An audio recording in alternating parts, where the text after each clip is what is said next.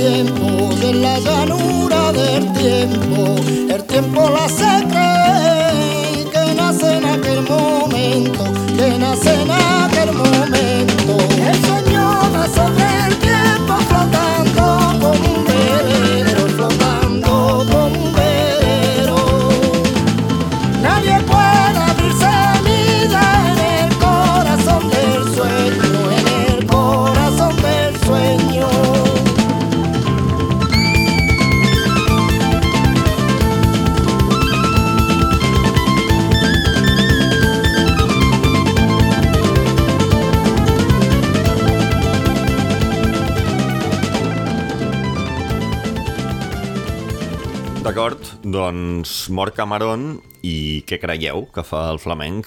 A. Buscar un Camarón 2 B. Intentar renovar-se o C. Baixar la persiana. Naturalment no és tan senzill, no hi ha un comitè executiu ni un CEO del flamenc com per triar A, B o C, sinó que la decisió va acabar sent molt més orgànica. Però, en primera instància, sí que és veritat que semblava que l'opció que podia triomfar era la bona, la de reinventar-se perquè Enrique Morente es posa el flamenc a l'esquena i l'any 96 treu un àlbum molt important que es diu Omega. Per qui no estigui gaire al tanto del tema, Morente en aquella època no era ningú novell, eh? De fet, era més o menys de la mateixa generació que Camarón, més gran fins i tot, i tots dos havien compartit una forta amistat des dels anys 70 que era molt especial aquesta amistat precisament perquè tenien perfils diametralment oposats. Camarón era gitano i Morente era paio. Camarón va néixer a Cádiz i Morente era gadità.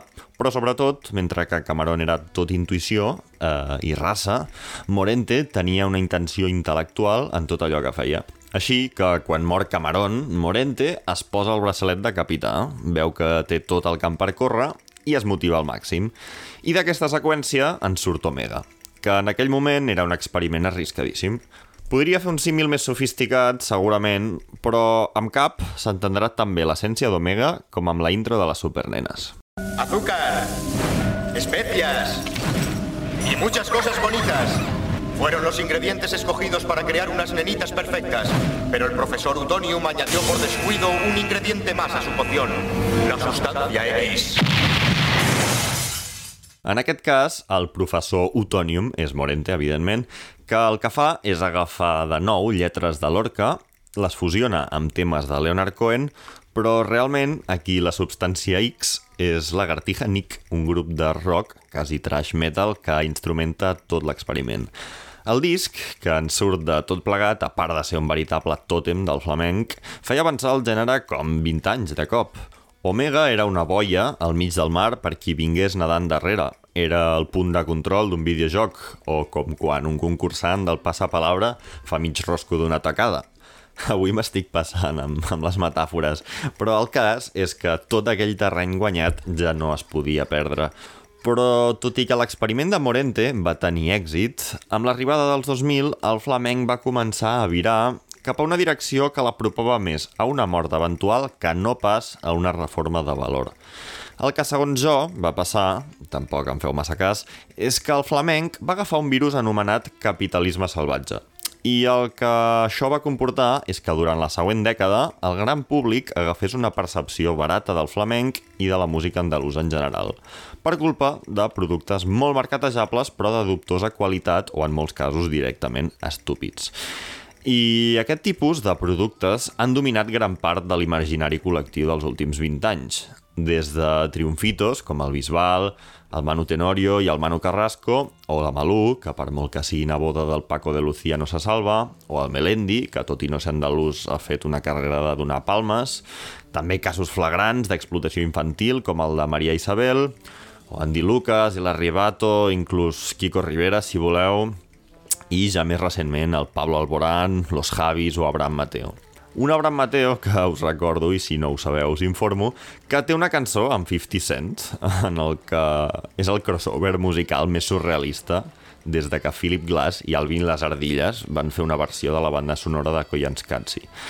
Però, total, que no és d'estranyar que una generació com la meva, que ha crescut amb tot aquest reguitzell de referències espantoses, doncs és normal que tinguem el flamenc en una consideració a l'altura de la línia 9 del metro. Però per sort, la prostitució del flamenc no va ser total, i la prova la trobem en artistes de la qualitat de Sílvia Pérez Cruz, que afirma la cançó que sentirem ara.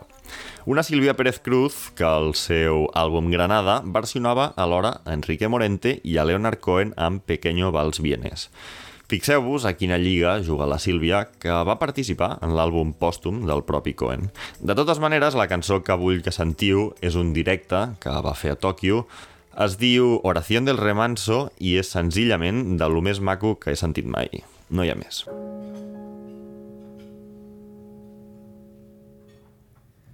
Soy de la orilla brava del agua turbia y la correntada que baja hermosa por su barrosa profundidad.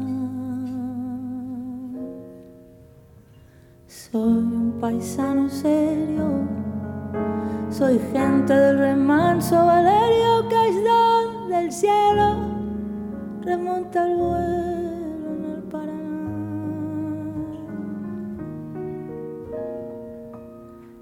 Tengo el color del río su misma voz en mi canto sí, el agua mansa, su suave danza en el corazón.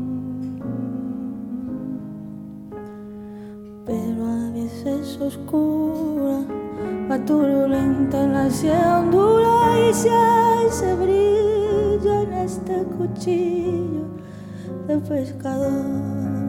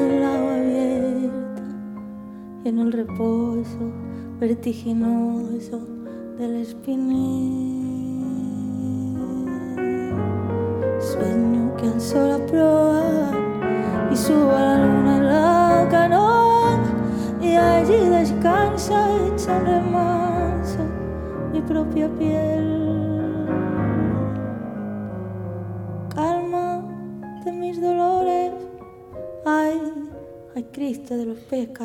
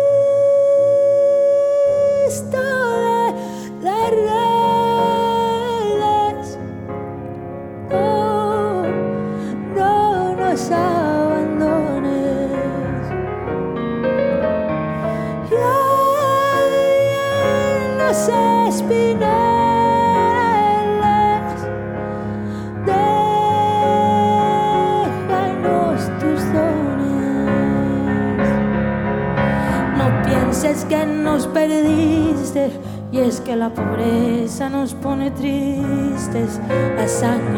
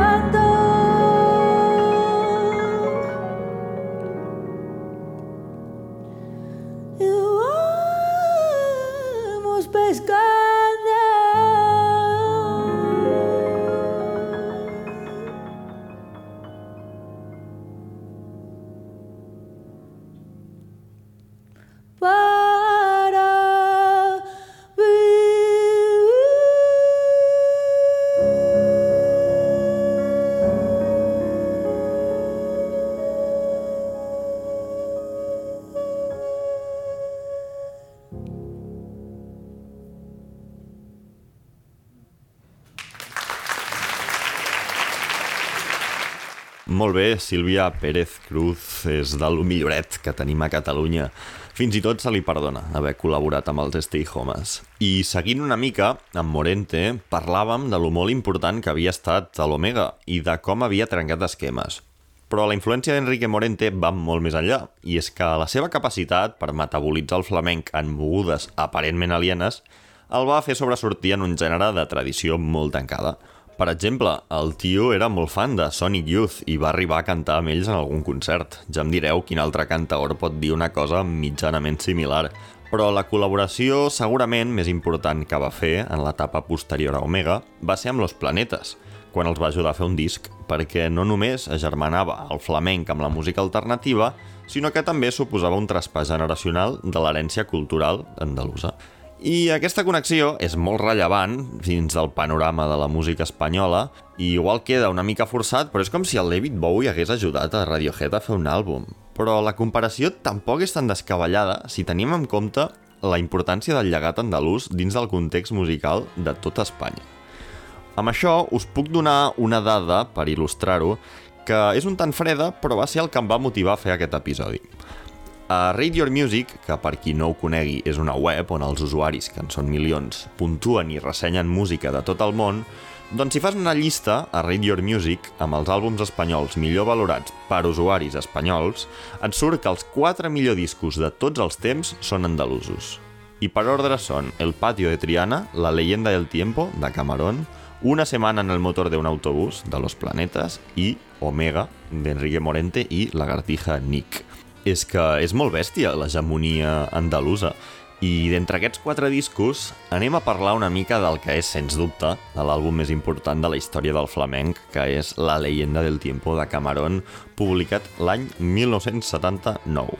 Perquè si Omega fa avançar el flamenc 20 anys, La leyenda del tiempo trenca prejudicis centenaris i no va ser pas fàcil. De fet, de les poques còpies que es van vendre del disc, una bona part es van tornar a les botigues perquè els puristes del flamenc trobaven que era una aberració que s'incorporessin influències d'altres gèneres musicals i instruments impropis del flamenc canònic. De totes formes, a La leyenda del tiempo no va ser el primer cas d'aquest flamenco nuevo que acceptava noves idees, però sí que va ser el que ho va fer més decididament i millor. I si us interessa el tema, us recomano molt el documental Tiempo de Leyenda, que es pot veure a la web del festival Inèdit. I de la mateixa manera que The Man Machine de Kraftwerk separa, per exemple, la història del techno entre base harmònica i rítmica, la leyenda del tiempo fa lo propi amb el flamenc i marca clarament un abans i un després en la manera d'entendre el gènere.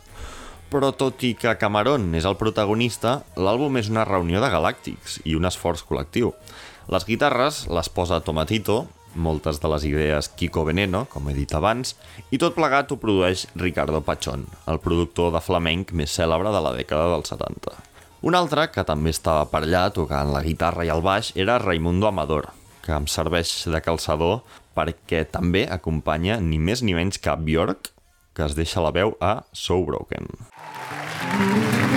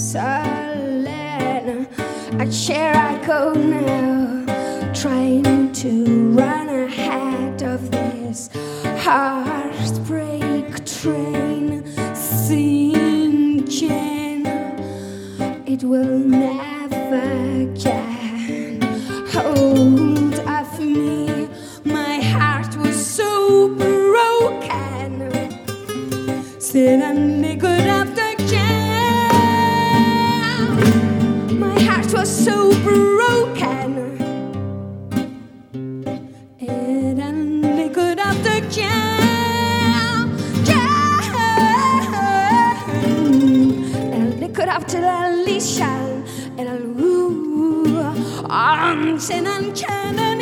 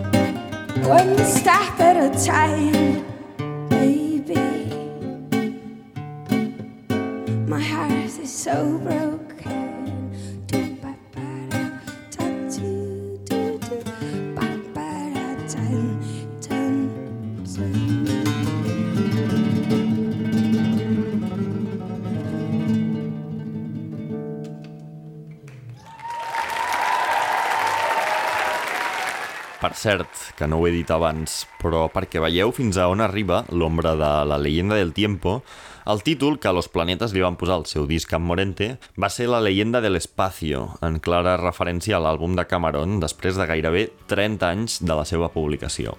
I si algú brilla per la seva absència a La leyenda del tiempo és Paco de Lucía, amb qui Cameron havia gravat els seus primers nou àlbums, alhora també produïts pel pare del guitarrista, però com que Ricardo Pachón ja havia produït autèntics clàssics del flamenco nuevo para Veneno i Lola i Manuel, entre d'altres, doncs Camarón va optar per ell en comptes del pare de Paco de Lucía per tal de dur a terme la metamorfosis que és la leyenda del tiempo. I això va allunyar Paco de Lucía del projecte, que finalment es va negar a participar en la nova aventura de Camarón.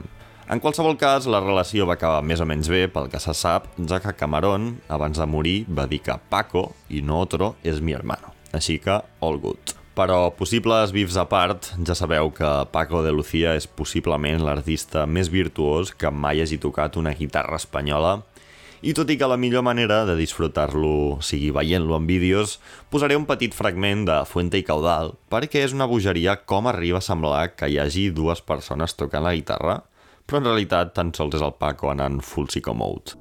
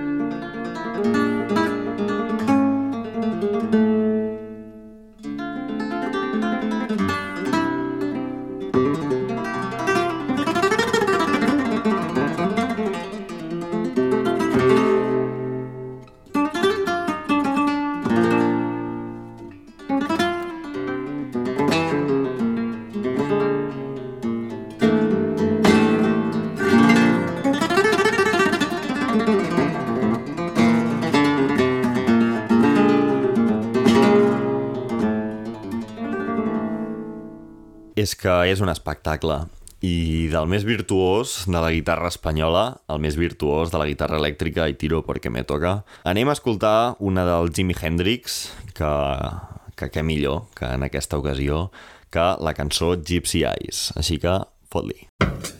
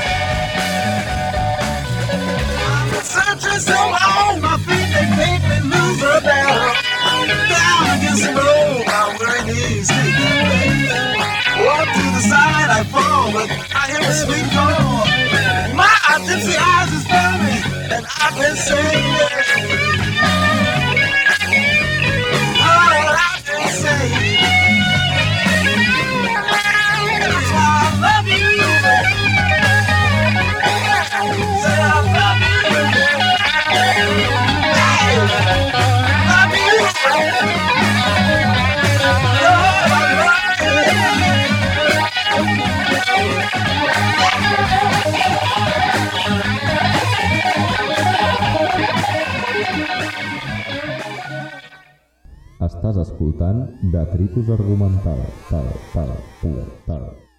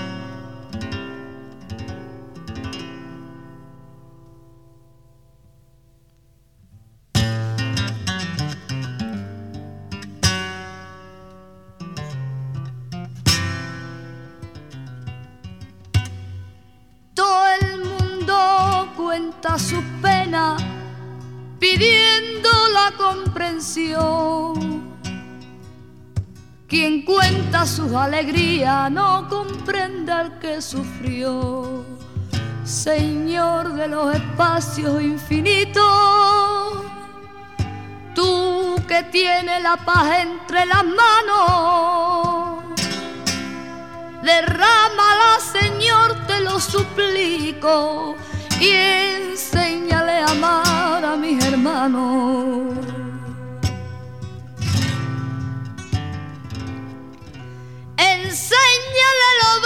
de la vía y hacer consuelo en toda la herida y amar con blanco amor toda la tierra y buscar siempre la paz, Señor, y odiar la guerra.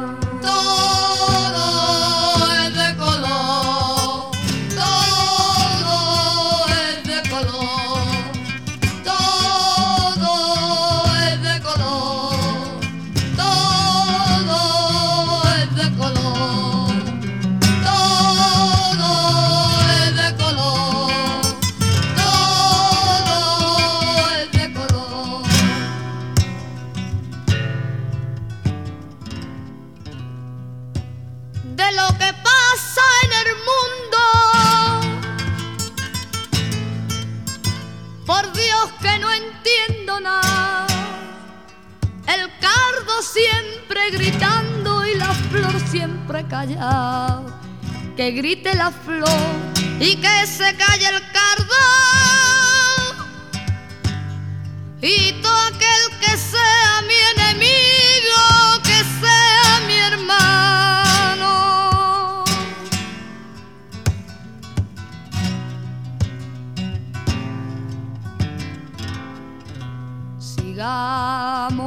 Por esa senda a ver que lo encontramos. Esa luz que está en la tierra y que nosotros apagamos. Señor de los espacios infinitos, tú que tienes la paz entre las manos, derrámala, Señor, te lo suplico, y enséñale a amar a mi hermano. Derrámala, Señor, te lo suplico, y enséñale a amar a mi hermano.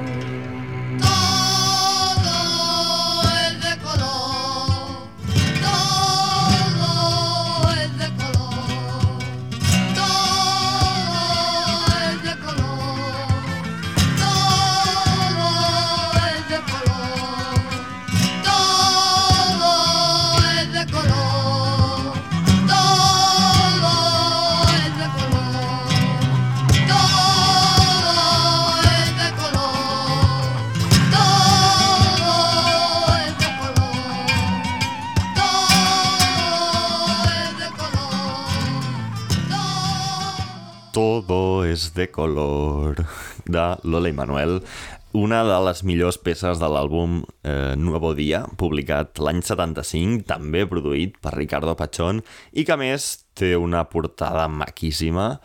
Aquest disc sí que va ser un dels més pioners del flamenco nuevo i l'he descobert preparant aquest episodi i és que em té enganxat. Però no sóc l'únic que ha recuperat el llegat de Lola i Manuel dècades més tard, perquè el director de cine, més ben representat a les parets de l'habitació de tot bon youtuber liberal amb mentalitat de tauró, és a dir, el Tarantino, també es va fixar en Lola i Manuel per a Kill Bill 2, on la cançó Tu mirar ocupa un lloc predilecte en la banda sonora, ja que és l'escollida per obrir l'últim capítol de la pel·lícula. Poca broma, eh? que la música de les seves pel·lis sol ser el millor de les seves pel·lis. O sigui que Lola i Manuel són un bon exemple, com tants altres, de que sovint ens compren la nostra cultura a l'exterior al mateix temps que la despreciem a casa. Però no patiu, ara us donaré les raons que us calen per estimar el flamenc com es mereix, que de fet és l'objectiu d'avui. Això serà en un segon perquè primer us vull posar una cançó d'un grup americà que va fusionar el flamenc amb el rock i la psicodèlia molt abans que ningú altre ho fes a la península. Si el flamenco nuevo comença més o menys a partir de l'any 75, aquesta cançó és del 68. Fixeu-vos, set anys abans que Lola i Manuel. Lola i Manuel, que per cert eren del barri de Triana, a Sevilla, i qui és també una llegenda de la ciutat de la Giralda, doncs el futbolista Antonio Puerta, descansi en pau. I com es diu? Puerta en anglès, door. Doncs precisament de The Doors és la cançó que sentirem ara. Ha sigut horrible aquesta cadena, us demano que em perdoneu, però de totes formes jo crec que el meu humor de Chichinau es compensa amb l'elegància de Spanish Caravan.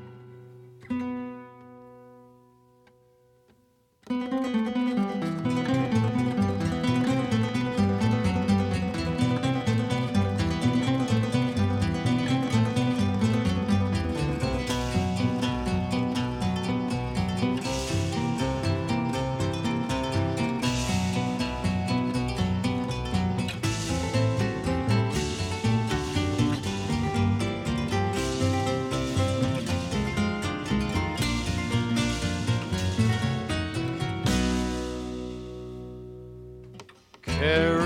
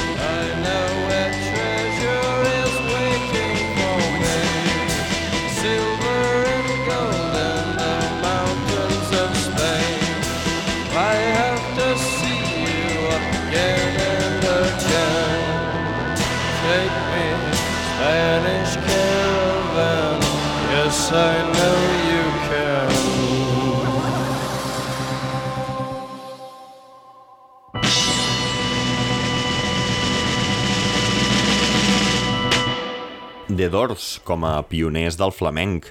Qui ho havia de dir, eh? Però no eren els únics que als anys 60 ja bevien de la font de la fusió flamenca, perquè el Miles Davis i sobretot el Charles Mingus a The Black Saint and The Sinner's Lady també van fer lo propi amb el jazz, o com també va passar amb la cançó Bollere de Cathy Claret, que va arribar a la guitarra del B.B. King. En qualsevol cas, no m'interessa tant qui va ser el primer, sinó que agafem consciència que l'historial d'exportació del flamenc ve de lluny, a pesar de no haver fet gaires esforços per vendre's. Atenció, perquè ara és quan jo començo a donar la meva opinió, d'acord? Que fins ara ha sigut una mica llegida de Wikipedia, per tant, cartellet de neó, warnings encesos i triangles reflectants si fa falta. El cas és que, que l'estranger ens comprin el flamenc com a patrimoni cultural de valor és un dels arguments principals, però no l'únic, pels quals el flamenc està diversos esglaons per sobre de qualsevol altre moviment musical que hi hagi hagut a Espanya en la vida. I si creieu que això que acabo de dir és exagerat, deixeu-me que primer faci una comparativa amb altres corrents de música popular que han passat per l'imperi on mai es pon el sol, des de que sí que es pon el sol, és a dir, els segles 20 i 21. Um, per una banda, tenim la movida madrilenya, Alaska, Nacha Pop, Radio Futura, Loquillo, etc. No? A Catalunya, als anys 70, també la nova cançó i l'intent de fer un Woodstock de proximitat amb el Canet Rock, Euskadi hi ha hagut des de l'esca hardcore dels 80, més Corbuto, Cortatu, Negu Gorriak, fins al Tonti Pop i el Donosti Sound dels 90, Tenim la ruta del bacalao, també, l'explosió de l'escena electrònica de Barcelona amb el Nitsa i DJ Sideral a finals dels 90. Després tenim eh, el hip-hop, o l'school, per dir-ho d'alguna manera, de SFDK, Violadores del Verso i de més. I més recentment, doncs, tota la onada de trap i derivats. Però, què tenen en comú gairebé tots aquests moviments, eh, us preguntareu? Doncs principalment quatre elements. Primer, són breus, tenen la metxa curta, la majoria d'ells no va durar més de 10 anys. Segon, aquesta falta de continuïtat ha evitat que generin narratives pròpies, és a dir, que com a moviments culturals ni han evolucionat ni han estat capaços de dur a terme un traspàs generacional que no hagi estat testimonial ni massa espaiat. Tercer, la gran majoria d'aquests moviments ha tingut un focus local, ja sigui en una comunitat autònoma o en una ciutat en particular. I quart, no només no s'ha exportat pràcticament res d'aquests moviments fora d'Espanya, sinó que tots ells són importacions, reinterpretacions de coses que ja existien. És a dir, no són ni originals ni han sorgit del territori.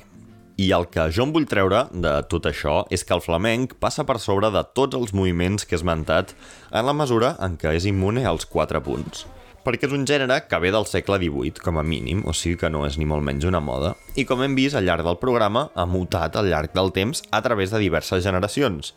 A més, el flamenc és genuí espanyol, i no només no s'ha importat de fora, sinó que, a més a més, s'exporta. I a sobre, és l'únic cas exitós que tenim d'això, perquè els japonesos, per exemple, i els xinesos es tornen bojos amb Paco de Lucía i Camarón, i a Morente el van nomenar cavaller de la Legió d'Ordre, que és la distinció més elevada que dona França.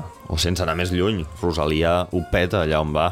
I sobre l'extensió geogràfica en la que s'ubica el flamenc en parlarem ara, perquè a part de tenir fortes arrels a Andalusia, també ha tocat Extremadura, Múrcia, el sud de Castella, inclús el Marroc, Amèrica Llatina i Catalunya. Resumint, que si parlem de patrimoni cultural a Espanya, el flamenc juga a una lliga completament diferent a la resta de moviments musicals. I si creieu que no és així, feu-m'ho saber. Escriviu-me per Twitter o algo. Estaré encantat de sentir altres opinions sobre aquest tema, sempre i quan estiguin decentment raonades. Un altre, que fa una reivindicació similar a la meva, és el C. Tangana, el madrileño, que no puc evitar parlar-ne, per molt especialet que em pugui creure de vegades. Però, encara que no sigui explícitament sobre el flamenc, el missatge que envia Zetangana a través d'un tall de Pepe Blanco a Cuando Olvidaré ve a reclamar que l'essència de la música genuïnament espanyola és única. I a més, Cuando Olvidaré és probablement la meva cançó preferida del disc, així que dins Cuando Olvidaré.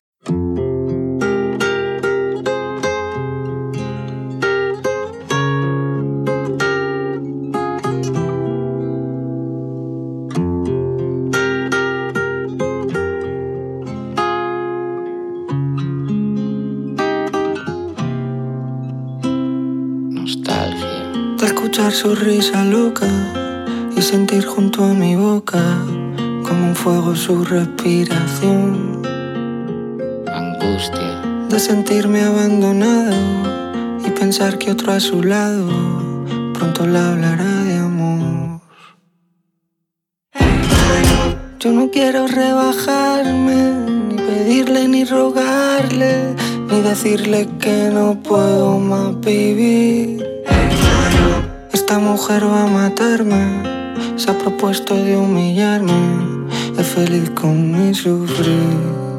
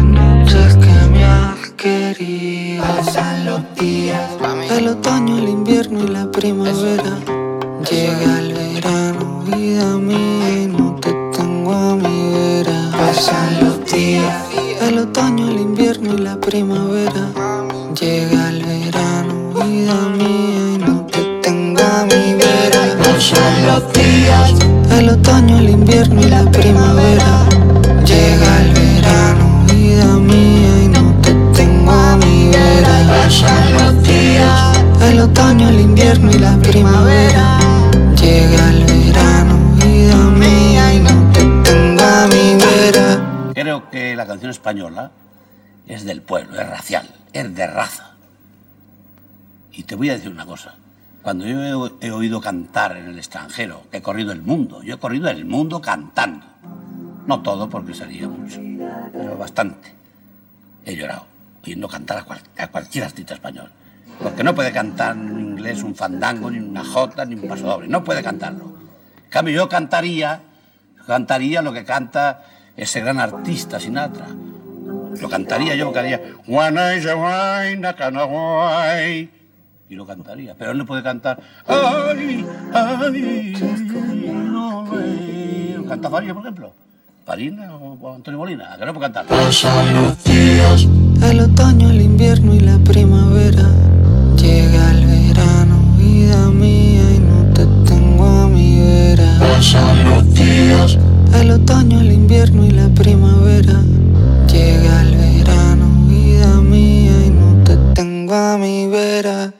Explico una breu anècdota de C. Tangana abans de passar a la part on em poso de mala, de mala hòstia. Resulta que a la Mercè del 2017, Rosalia va fer un concert gratuït a través del BAM, Barcelona Acció Musical, a la plaça de la Catedral de Barcelona, al qual m'hi van portar sense jo saber ni qui era ella. Més que res perquè en aquells moments era un artista mig underground. El concert, a part de ser preciós, el recordo perquè ens vam trobar entre el públic el propi C. Tangana, que havia anat a veure la que era la seva parella per aquell llavors. I fins aquí l'anècdota. No li vaig dir res, ni va passar res hiperinteressant, però trobo molt curiós que tan sols faci 3 anys i mig d'allò i com seria absolutament impensable que es donés una situació com aquella ara que tots dos són superestrelles. I aprofito que parlo de la Rosalia i que aquest episodi va reivindicar el flamenc per donar els meus 5 cèntims sobre el tema de l'apropiació cultural, perquè mai és mal moment per ficar la pota en qüestions paliagudes. Segurament arriba una mica tard al debat, però tampoc crec que s'hagi arribat a tancar de manera clara en cap moment. Um, jo a priori pensava que la pregunta de si Rosalia s'ha apropiat d'una cultura que no li pertany no tenia una resposta de blanc o negre. Però fent una mica de recerca he pogut treure una conclusió més nítida del que esperava. I de nou us insto a que me la qüestioneu. A veure, tot això que diré ara és una mica en resposta a la llau d'articles i de més formats d'opinió que van reaccionar hostilment a l'èxit del Malquerera. Però per acotar els fronts em centraré en un vídeo que va fer el País que es diu Lo que piensan los gitanos de Rosalía, ofensa, burla o renovación i en una entrada d'un blog que he trobat d'una noia que es diu Calinda Marín i que és gitana i va titular l'article en qüestió acerca del enorme racismo de la cantante Rosalía hacia el pueblo romaní. Ok, en termes generals, tant aquestes dues peces d'opinió com la resta que he llegit sobre el tema basen la seva crítica al voltant de la presumpció de que el flamenc té orígens únicament gitanos i andalusos i que d'aquesta manera eh, tant la música com l'estètica que se'n deriva pertanyen de manera gairebé exclusiva a les persones que han viscut les conseqüències de pertànyer a aquests col·lectius. El que, segons ells, implica la condició de gitano és la consciència i la reivindicació de la història de patiment que els ha acompanyat des de que van arribar a la península allà pel segle XVI. I això no hi puc estar en contra de cap de les maneres. Realment, i és una cosa que he après a través de llegir aquest tipus d'articles i que els hi agraeixo, durant la gran part dels últims 500 anys, la gent romaní ha estat constantment maltractada per les estructures de l'estat espanyol. Breu classe d'història. Després de la Guerra de Successió, Felip V, el monarca preferit de tothom, ja va delimitar la residència dels gitanos a una sèrie de ciutats especialment seleccionades. Però no va ser fins al 1749 quan el seu successor, Ferran VI, la va liar de veritat amb un projecte d'extermini massiu, que es coneix avui dia com la Gran Batuda. Bàsicament consistia en detenir tota la població gitana. Llavors, el que feien era portar els homes a remar les galeres i a fer treballs forçats a drassanes i mines, mentre que les dones i els nens anaven a treballar a fàbriques en condicions inhumanes. El que Ferran VI i companyia pretenien amb aquesta separació de sexes era, com us podeu imaginar, erradicar la raça per complet. Aquest complot protonazi va durar bona part del segle XVIII, però amb el pas del temps es va anar desarticulant. El que sí que és cert és que l'estat espanyol va seguir havent-hi lleis antigitanes d'una manera o d'una altra fins la mort de Franco, o sigui que déu nhi duret. Evidentment, penso que l'Estat, i en especial el seu cap, recordem de sang francesa i descendent directe dels perpetradors d'aquests crims, haurien de demanar disculpes de manera oficial, tal i com passaria en un país desacomplexat. Dit això, la contextualització d'aquests fets és independent al reclam d'exclusivitat del flamenc per part de la cultura gitana. Entre d'altres coses, perquè, segons la gran majoria d'investigadors que he pogut sentir, les arrels del gènere són molt confuses. Ni se sap on neix ni com es genera. Però és que en qualsevol cas, encara que els orígens del flamenc fa segles fossin exclusivament romanís i andalusos, li donaria això legitimitat a la proclama que ara, en ple segle XXI, quan una persona externa a aquests cercles fa flamenc comet un furt? Per mi la resposta és evident. I a més aquesta acusació la trobo doblement sorprenent si tenim en compte que la Rosalia no és ni molt menys la primera artista en produir música d'aquest tipus sense complir prèviament amb els suposats requisits per obtenir el DNI flamenc. I no em cal anar fins al hip-hop i dir és que el cas de l'Eminem, bla, bla, bla, bla, no sé què. No, el propi flamenc està carregat d'artistes que contradiuen aquest dogma començant per la Carmen Amaya, que era gitana, però catalana, com el Paret. Morente i Paco de Lucía, per exemple, eren paios, com Kiko Veneno, que més va néixer a Figueres, o a la Sílvia Pérez Cruz, que sent també paia i catalana, mai se l'ha acusat d'apropiar-se de res que no sigui el meu cor. que cursi, per favor. Clar, és que no són ni un ni dos casos que contradiuen la premissa de la gent que amb tanta desconfiança cobdicia el flamenc. A mi em dóna una mica la sensació que la Rosalia se li ha saltat a la jugular per pura enveja.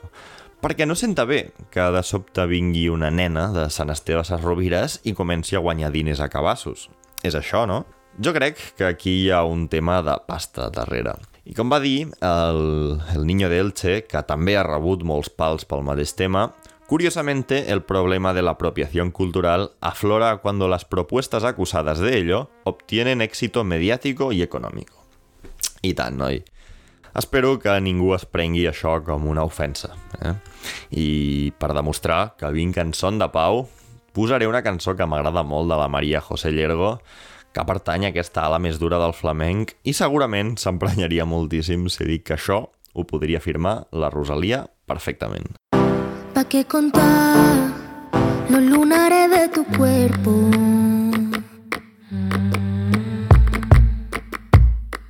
Si tú pa' brillar llevas tres lunas por dentro.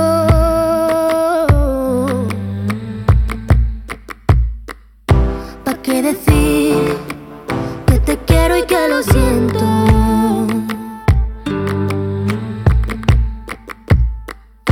Pido perdón, pero sin arrepentimiento.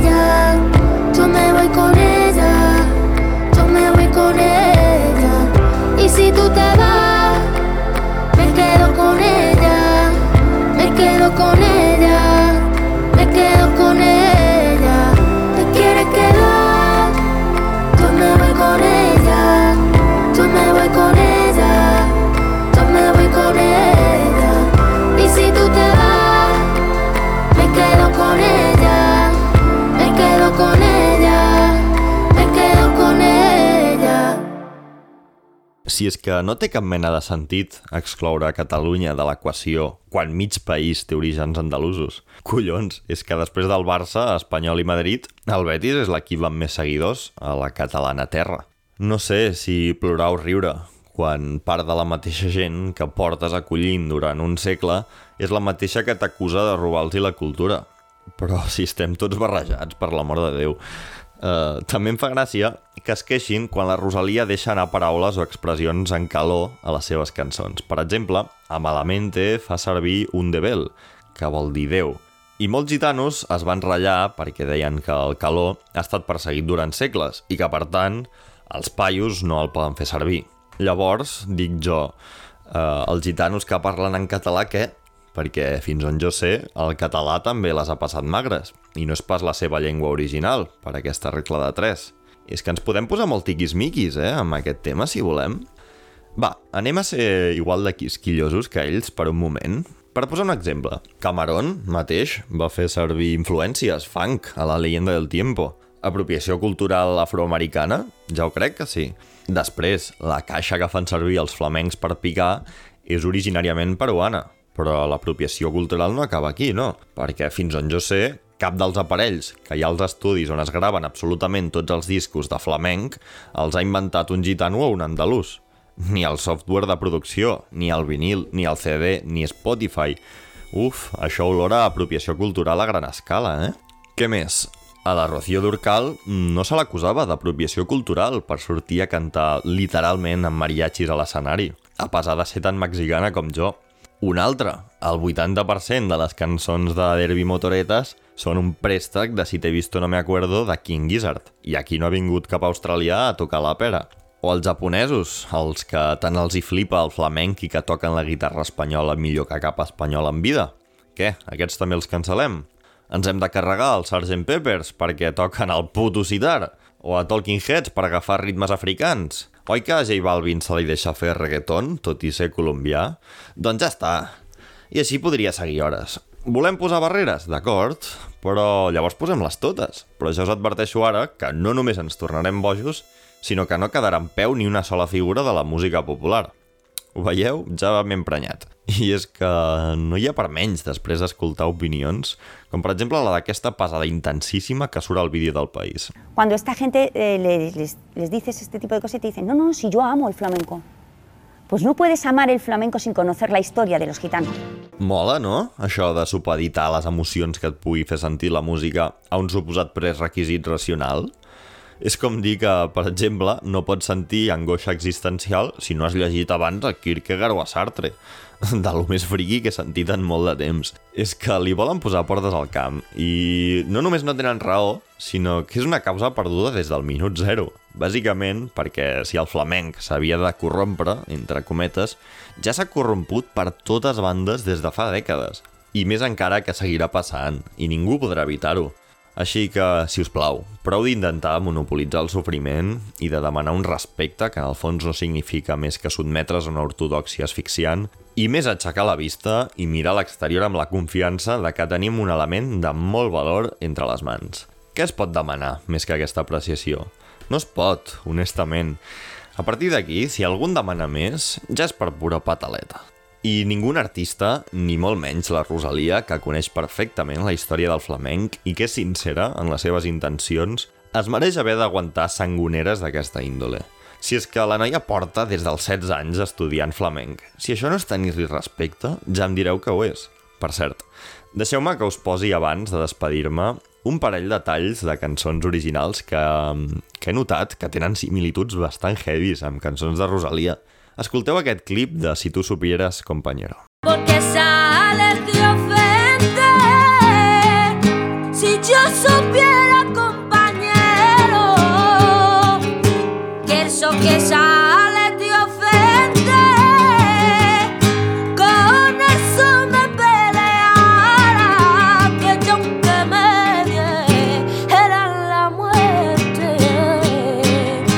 I ara escolteu això que cantava Camarón l'any 73.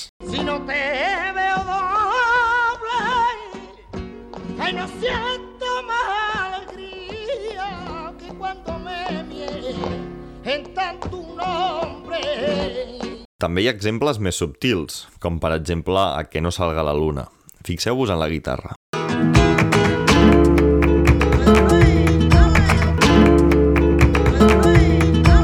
I ara, en aquest Boleries de la Luna, de Lola i Manuel.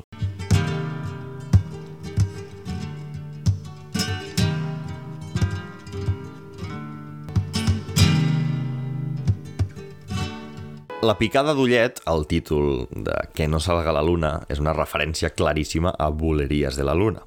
I penso que és important fixar-se en aquests detalls perquè demostren que la Rosalia no s'amaga de les seves influències. I, com deia, un pintor andalús que comença per P i acaba per Icaso, los buenos artistas copian, los grandes artistas roban. Per anar tancant i per resumir idees, espero que us hagi convençut, si no ho estàveu ja, de l'enorme importància del flamenc i de la innegable influència del poble gitano i andalús. Però ara bé, si el flamenc ha de pertany a algú, que ho dubto, ens pertany també en una petita part als catalans. I en qualsevol cas, us insto a que renegueu de qui vulgui atorgar permisos d'exclusivitat cultural, del tipus que sigui, perquè això no es fa enlloc al món i perquè no té sentit. I aquí, l'única que fa una apropiació indeguda és la Colau amb la rumba, que ens la cola fins i tot a la sopa, i la resta d'apropiacions seran benvingudes, com a mínim, per part meva, i mentre no feu un blackface o coses per l'estil, tot anirà bé. Tinc una molt bona cançó per tancar l'episodi, que em va com anell al dit perquè em serveix per homenatjar el flamenc, la fusió d'estils i inclús a Barcelona. L'any abans de les Olimpiades del 92, a les que Freddie Mercury no va arribar-hi a cantar Montserrat Cavaller per mesos, Queen va publicar el seu últim disc amb el cantant en vida. L'àlbum, anomenat Innuendo, l'obria una cançó homònima bojíssima, en la que el Freddy comença disfressant-se de Robert Plant i acaba cantant òpera. Però a més a més, Innuendo és una fusió flamenca arriscadíssima, perquè Brian May i Steve Howe, guitarrista de Yes, van passar a guitarra elèctrica una partitura flamenca, i el resultat és Canelita en rama. Amb això, i amb el cap com un bombo, us deixo per avui, i em despedeixo fins la propera vegada que tingui detritus suficients com per omplir una hora sencera. Arrivederci.